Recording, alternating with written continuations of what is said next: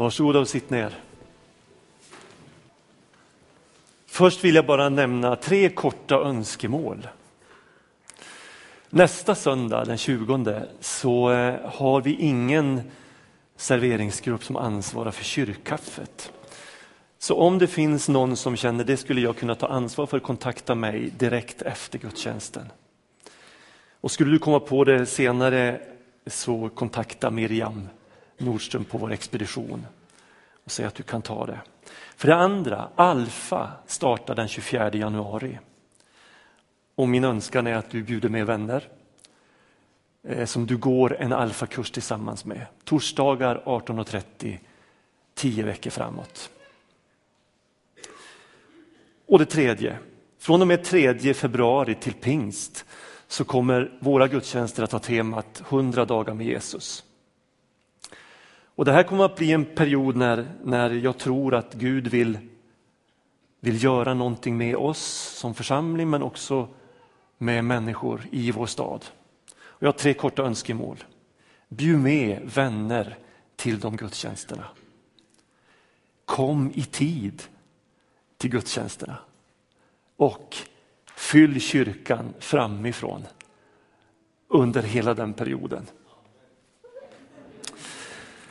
Vet ni vilken den vanligaste hälsningsfrasen från Gud är i Bibeln?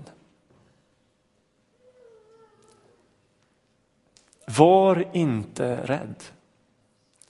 Sök på den frasen ska du få se hur många träffar du får. Var inte rädd.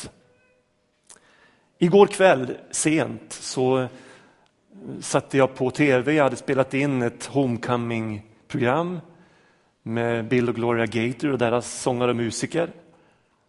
Och den, det, det programmet avslutades med en sång som fullständigt däckade mig. Och jag, jag lyssnade på den om och om igen och i morse när jag vaknade så bara sjöng den här sången inom mig. Och det var några fraser ur den här sången som, som eh, särskilt eh, fångade mig. Det är ju väldigt svårt att översätta en, en, en engelsk hymn till svenska, men, men bara några fraser som, som jag tänkte särskilt på. Jag kommer då att leva som en som har lärt barmhärtighet. Jag har blivit så älskad att jag kommer att våga älska jag med. Jag vet hur fruktan bygger murar istället för broar. Jag vill därför, jag vill därför våga se med en annans ögon. Och när vänskap kräver överlåtelse vill jag finnas där för att bry mig och gå hela vägen. Det är andra versen på den här sången. Ni kommer att få lyssna på den i slutet av min predikan. Som en, en inledning på vår inbjudan i gudstjänsten. De två senaste söndagarna så har jag predikat om hur vi ska förhålla oss till vår omvärld för att på bästa möjliga sätt bereda marken för de goda nyheterna till de människor som som ännu inte tror. Vi har utgått ifrån Johannes 13, vers 1 till vers 17 där Jesus tvättar lärjungarnas fötter. Och han säger själv att det här har jag gjort för att ge er ett exempel, för att ni ska göra med varandra vad jag har gjort för er. Ehm, jag ska bara helt kort repetera. Vi kan ta fram presentationen här. Så här säger eh, Martin Luther King i ett tal alla kan bli stora människor, för vem som helst kan tjäna andra. Du behöver inte ha en högskoleexamen för att tjäna, du behöver bara ha ett älskvärt hjärta. En själ genomsyrad av kärlek. Och I den första predikan hade jag fyra punkter, jag kan ta fram dem också. Ha fokus på relationer hellre än på aktioner. Ha fokus på att exemplifiera hellre än på att moralisera. Ha fokus på att vittna hellre än på att försvara har fokus på att attrahera hellre än på att konfrontera. I söndag så predikade jag utifrån Jesaja 58. Vi tar bara fram en kort text, repetera det. Nästa bild. Om du räcker ditt bröd åt den hungrige och mättar den som lider nöd, då ska ljus bryta fram för dig i mörkret. Din natt ska bli strålande dag. Herren ska alltid leda dig, han mättar dig i ödemarken och ger styrka åt benen i din kropp. Du ska bli som en vattenrik trädgård, en oas där vattnet aldrig sinar. Alltså den första predikan handlar om attityder i relation till vår omvärld. Den här handlar, i söndags handlar det om det praktiska tjänandet, hur det blir kött och blod i vardagen. Och idag ska jag, ska, vill jag tala om en människosyn inspirerad av Jesus. Vi har idag flera inspirerande exempel i Sverige på församlingar som på ett helt annat sätt än vi sett på länge börjar påverka sin omgivning. Genom att människor tar sin tro på allvar och beslutar sig för att skapa en attraktiv kyrka byggd på en trovärdig gemenskap. Några exempel är Connect Church i Göteborg. Vi har Hillsong i Stockholm, vi har United i Malmö. Och Det som kännetecknar alla de här församlingarna som jag nu nämner, det är att det är ganska unga församlingar. Och att man, man lyckas nå en, en ung generation med evangelium. Tittar man på United i Malmö så har man mottot älska Gud, älska människor, älska livet.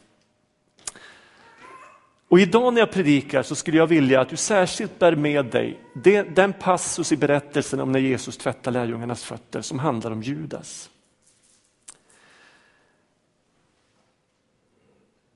Judas var ju en av de lärjungar som Jesus böjer sig ner framför och tvätta fötterna på. Judas fanns hela tiden med. Han var med när Jesus vandrade omkring, gjorde sina under. Och Jesus gör ingen skillnad på Judas och på de andra. Vi kanske hade tänkt så här. Tvättar jag Judas fötter samtidigt som jag tvättar de andras så riskerar jag ju att ge sanktion åt ett förljuget liv och ett svekfullt, svekfullt sinne. Men det verkar inte som att Jesus tänkte så, utan han gav oss ett exempel att följa.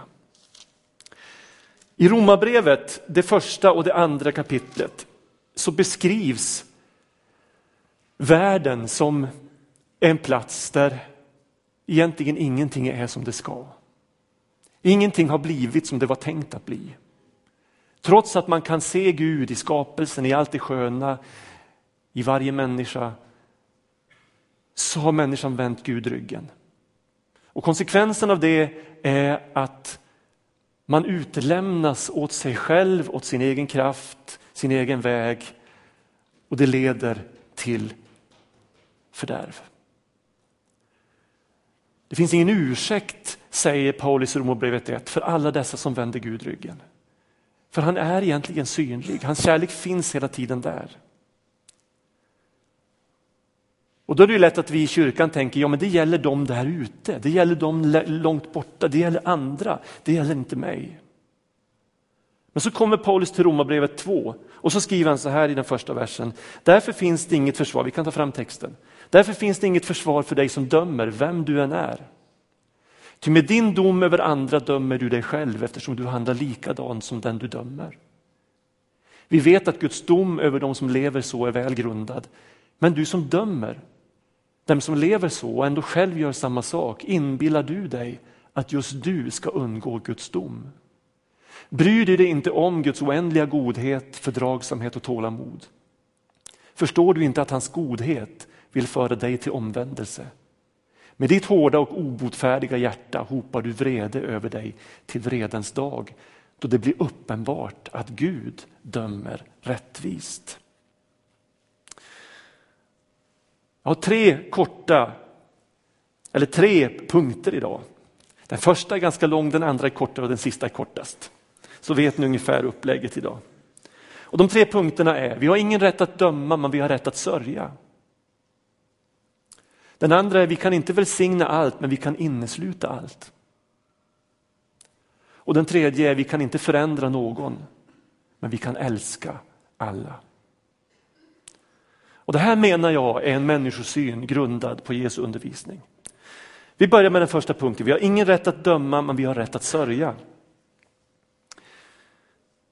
Tänk dig nu att ditt liv skulle projiceras på den här duken. Allt du har tänkt, allt du har gjort skulle bli synligt här för alla i kyrkan. Jag skulle tro att du skulle rodna, du skulle antagligen gömma händerna i ansiktet och gråta, kanske springa ut härifrån av skam.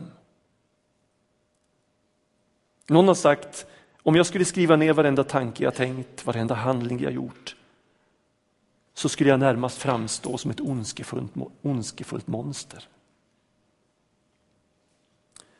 När vi läser Paulus beskrivning av världens vilsenhet så är det lätt att göra det som en betraktare. Det är lätt att tänka att det handlar om andra, men det handlar inte om mig. Sanningen är att alla människor är i samma båt. Alla har syndat, alla är vilse, ingen finns som är rättfärdig. Därför, säger Paulus, finns det ingen ursäkt för dig som dömer. När Jesus i Johannes 3 möter den skriftlärde Nikodemus, möter hans frågor, möter hans brottningskamp med livet, så säger Jesus om sig själv, Gud sände inte sin son till världen för att döma världen, utan för att världen skulle räddas genom honom. Den som tror på honom blir inte dömd, men den som inte tror är redan dömd.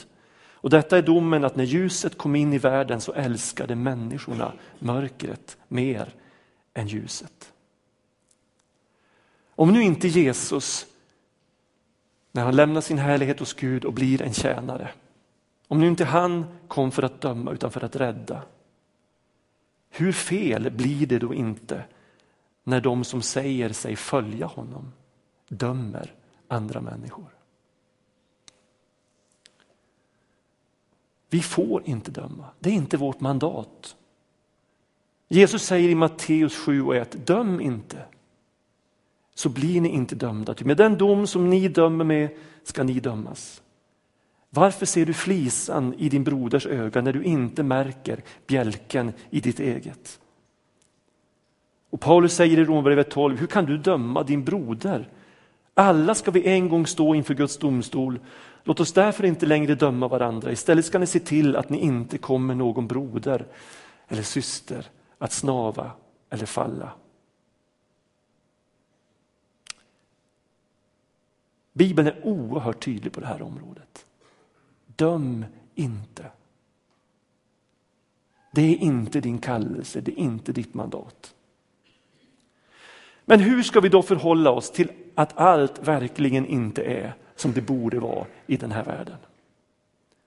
Hur ska vi förhålla oss till all trasighet? Alla relationer som går sönder? All hårdhet människor emellan? All ondska som dagligen strömmar in i våra vardagsrum genom media? allt mörker som finns i den här världen. Hur ska vi förhålla oss till allt det kluna i våra egna liv? Vi vill gott men vi gör så mycket ont. Hur ska vi förhålla oss till alla orättvisor i världen? De rikaste 20 procenten får 83 procent av alla inkomster. Medan de fattigaste 20 procenten får 2 procent av jordens inkomster. Hur ska vi förhålla oss till det Paulus skriver i Romarbrevet 1, där han säger att människan vänder Gud ryggen och vandrar bort i vilsenhet. Alla våra makthavare som stakar ut en väg för, för, för vår nation, bort från Gud och blir blinda ledare som leder blinda. Hur ska vi förhålla oss till när nära vänner ställer till det för sig? Vänner som blir slavar under droger eller andra begär. Återigen, vi har ingen rätt att döma. Men vi har rätt att sörja. Jag tror sorgen är Guds redskap till oss att hantera att allt inte är som det skulle vara. Vi kan säkert göra mycket mer än så, men sorgen måste komma först för att det andra ska bli rätt. Missförstå mig inte nu, vi ska vara glada. För glädjen är det yttersta kännetecknet på Guds närvaro i en människas liv. Fröjd i Herren är vår styrka. Det är vårt viktigaste vapen. Glädjen i Gud. Men utan sorg så blir glädjen ytlig och falsk. Ett judiskt ordspråk som jag ofta kommer tillbaka till är det här. Ingen människa är fri förrän alla människor är fria. Vi ska kämpa mot orättvisor, men om vi inte sörjer med hela skapelsen kommer kampen att skara falskt. Och först och främst så måste vi sörja över oss själva. För om vi inte gör det så kommer varje god gärning som vi försöker göra att göda vår egen självgodhet. Varje god gärning vi försöker presta oss att bli stegpinnar i vår egen självrättfärdighetsstege. Och det kommer inte att dofta gott omkring en människa som har den inställningen. Och Jesus är vårt stora föredöme, han sörjde. Jesu hjärta var fullt av sorg. Trots att han var den enda rättfärdige som trampat den här jorden, trots att Bibeln säger att han var den gladaste i universum, så sörjer han. I Lukas 19.41 så gråter han över Jerusalem. Det står så här, när han kom närmare och såg staden började han gråta över den och sa, om du denna dag hade förstått också du vad som ger dig fred. Det ska komma en tid då du får se dina fiender bygga vallar runt dig och omringa dig och ansätta dig från alla håll. De ska slå dig och ditt folk till marken eftersom du inte förstod att tiden var inne för Guds besök. Hela påskens drama handlar om att Gud sörjer genom sonen Jesus Kristus. Finns det något starkare uttryck för sorg än när Jesus i Getsemane ensam i mörkret svettas blod inför det som väntar? När alla överger honom av feghet och rädsla. När han tyngd av mänsklighetens svek faller under tyngden av sitt eget kors. När han ensam går hela vägen och genom sitt liv ger sitt liv för att rädda varje människa. Och när han utropar min Gud, min Gud, varför har du övergivit mig? Aldrig någonsin har väl synden avslöjat sin fruktansvärda syndighet. Som när den rene älskande sonen på korset utropar Varför har du övergivit mig, far? Gud sörjer. Men han dömer inte. Han dömer inte mänskligheten, han sörjer över det han ser. Om, och hur sorgen växer segern fram, så kommer det också att bli med din och min sorg. För Jesus säger saliga de som sörjer, de ska bli tröstade. Vi, kan, vi ska inte döma, men vi kan sörja. Vi kan inte välsigna allt, men vi kan innesluta allt. En berättelse som är väldigt välkänd i Bibeln, berättelsen om, den, om när den förlorade sonen kommer till besinning. Han har slösat bort allt. Han sitter hos svinen, han har ingen mat, han har smutsiga kläder. Och han längtar hem. Och han börjar formulera en bön hur han ska närma sig fadershemmet och tala till sin far. Och så kommer han inom synhåll för fadern som har stått där och spanat dag efter dag. Och så läser vi det här oerhörda att fadern lyfter upp sina kläder och springer den förlorade sonen till mötes. När han kommer hem som en trashang, han kommer hem utfattig, utmärglad, smutsig, illaluktande. Med handlingar bakom sig som han skäms över. Så att han inte vågar se en människa i ögonen.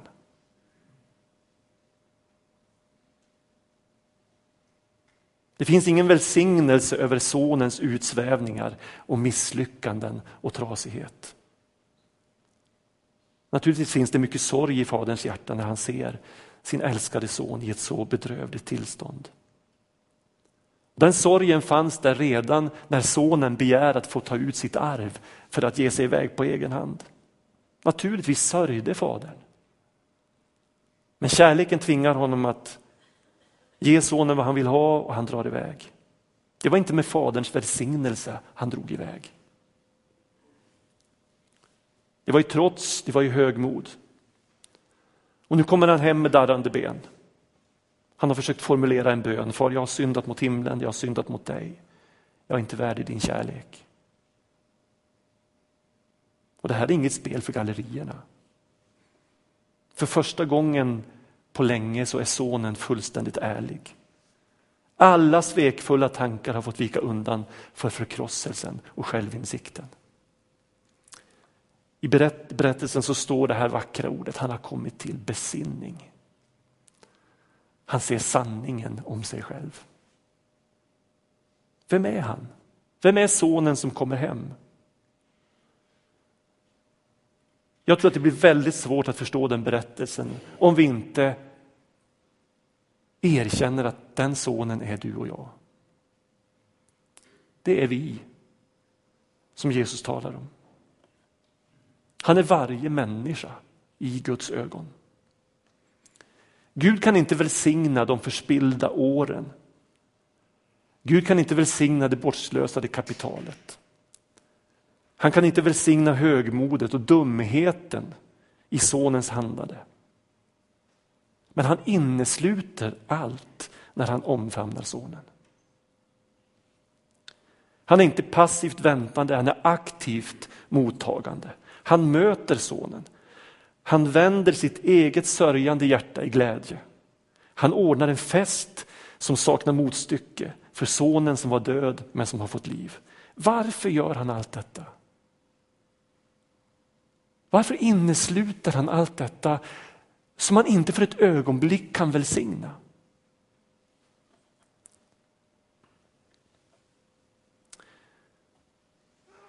Jag tror att det handlar om makten hos Gud. När livet billigt talat omfamnar döden så förlorar alltid döden. När ljuset omfamnar mörkret så förlorar alltid mörkret. När Gud i sin godhet omfamnar oss är det för att han är större än all världens ondska. I hans omfamning, i hans inneslutande börjar helandet och upprättelsen. Faderns finaste dräkt i den här berättelsen som han klär på sonen ersätter de smutsiga trasorna. Ringen på sonens finger bekräftar inför alla att fadern återger honom hans ställning i hemmet. Skorna som han sätter på fötterna är tecknet på att han inte längre är slav, han är fri. Alltså Fadern gör någonting med sin inneslutande kärlek. Om nu Gud innesluter, hur skulle vi kunna göra något annat? Den kristna församlingen är ju människor som du och jag som har mött denna omfamning. Människor som har upprättats av Guds inneslutande nåd. Det finns krav idag på att vi ska välsigna allt möjligt. Det vet ni, ni vet hur man brottas med de här, det här trycket utifrån. Vi ska välsigna det och vi ska välsigna det. Vi ska välsigna en massa saker. Det kan vi naturligtvis inte göra. Hur skulle vi kunna välsigna det som bedrövar Gud? Och vad skulle det tjäna till att vi välsignar det som bedrövar Gud? Det skulle ju bara vilseleda människor ännu mer, skada människor ännu mer. Vem tjänar på att bli led djupare in i mörkret av någon som säger det är inte så farligt? Men hur ska vi då förhålla oss till människor som kommer trasiga, utsvultna, sårade och besvikna med allsköns bråt i sina liv? Och tror vi på väckelse så är det sådana människor som, som kommer att komma. Det är inga människor som, som, som, eh, som, som liksom inte har några bekymmer eller som halkar rakt in i vår livsstil och i vår kultur och, och, och, och liksom bara smälter in. Utan det är människor som kommer att skaka om vår tillvaro med sin brustenhet och sin trasighet. Vi kan ju inte välsigna alla tokigheter. Vi tänker så lätt att vi måste påtala allt som är fel innan vi omfamnar och innesluter. För tänk om vi skulle bekräfta någonting som Gud inte tycker om. Men Gud ger oss ett exempel. Han omfamnar sonen som han är. Med allt det han kommer med av bråte och trasighet. Ja, men tänk om de inte omvänt sig på riktigt i hjärtat utan fortfarande är stolta och trotsiga mot Gud. Ja, men det är inte vår sak att döma. Vi måste ha tro på en stor Gud som har förmåga att förändra en människas livsväg. Så att hon blir det han har tänkt att hon ska bli. Låt oss göra som Fadern. När någon kommer och vill vara en del av vår gemenskap, låt oss med frimodighet innesluta dem på samma sätt som vi själva blivit inneslutna. Låt oss göra det i tro på en Gud som är större. Någon har sagt så här, ingen kriminell har blivit hjälpt av att behandlas som en kriminell. Ingen prostituerad har blivit hjälpt av att behandlas som en prostituerad. Ingen som känner sig ful och smutsig och oälskad har blivit hjälpt av att behandlas av en sån. Vi kan inte välsigna allt, men vi kan innesluta allt. Och till sist, vi kan inte förändra någon, men vi kan älska alla. Underförstått i tron att kärleken förändrar. Ni kan berättelsen om solen och vinden som tävlar om vem som kan få av mannen rocken först, som går där på vägen.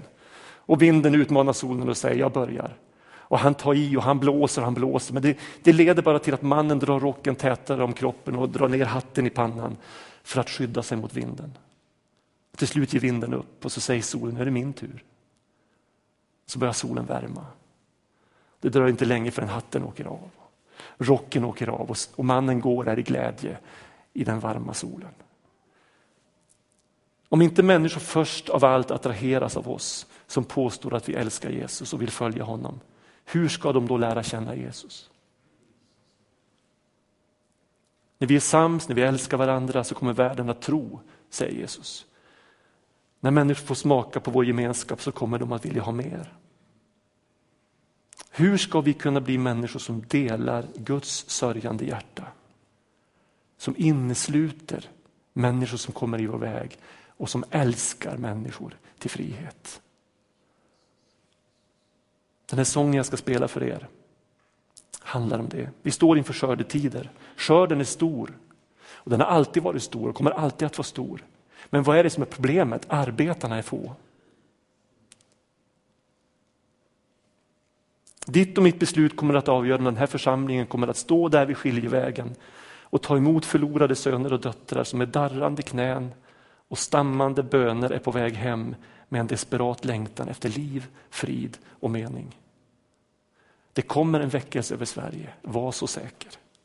Och den väckelsen behöver kristna som har öppnat sitt hjärta för den äkta sorg och förkrosselse och omvändelse som föregår all äkta glädje och efterföljelse. Hemmavarande söner som tappat känslan för vad fest och glädje innebär. Ni, ni känner till den sonen också. Den hemmavarande sonen. Som inte kan glädjas när syskonen kommer hem. De kommer att stå där som hinder och tvinga väckelsen att ta nya vägar. Den väckelse som kommer behöver kristna som bestämt sig för att forma en varm och inbjudande och inneslutande gemenskap som välkomnar alla som vill komma hem till Gud. En gemenskap där vi älskar alla därför att vi tror att kärleken är universums starkaste kraft.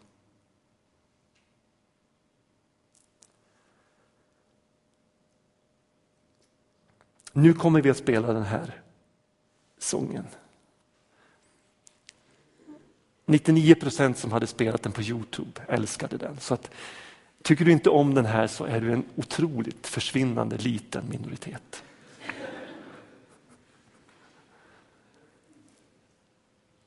Och Jag skulle vilja att vi står upp och det här får bli början på en inbjudan. Att vi står upp därför att det är så mycket lättare att röra sig i kyrkan. Skulle du vilja ha förbön så kom under den här sången. Lovsångsteamet kommer att stå här framme och vara beredda att fortsätta sjunga. Lyssna på den här sången de också. Vill du ha personlig förbön så sök dig till någon av våra förebedjare. Jag skulle vilja att ni kommer fram på en gång. Vill du gå fram och tända ett ljus, bara stå inför Gud så gör det. Vill du bara sitta i bänken, stå i bänken och lyssna så gör det. Och känner du att du inte orkar stå så länge, då sätter du dig. Och du som vill stå kvar, stå kvar. Och så har vi den friheten under några minuter av bön och eftertanke. Then I shall live, heter den här sången. Vi lyssnar på den.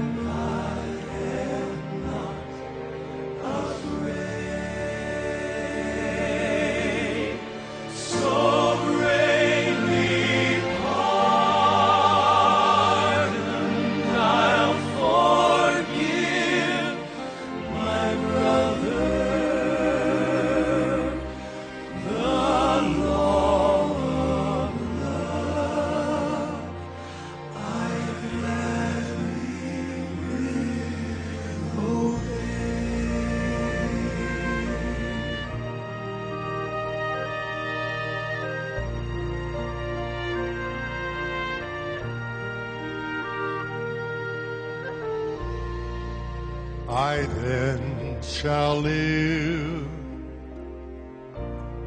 as one who's learned compassion.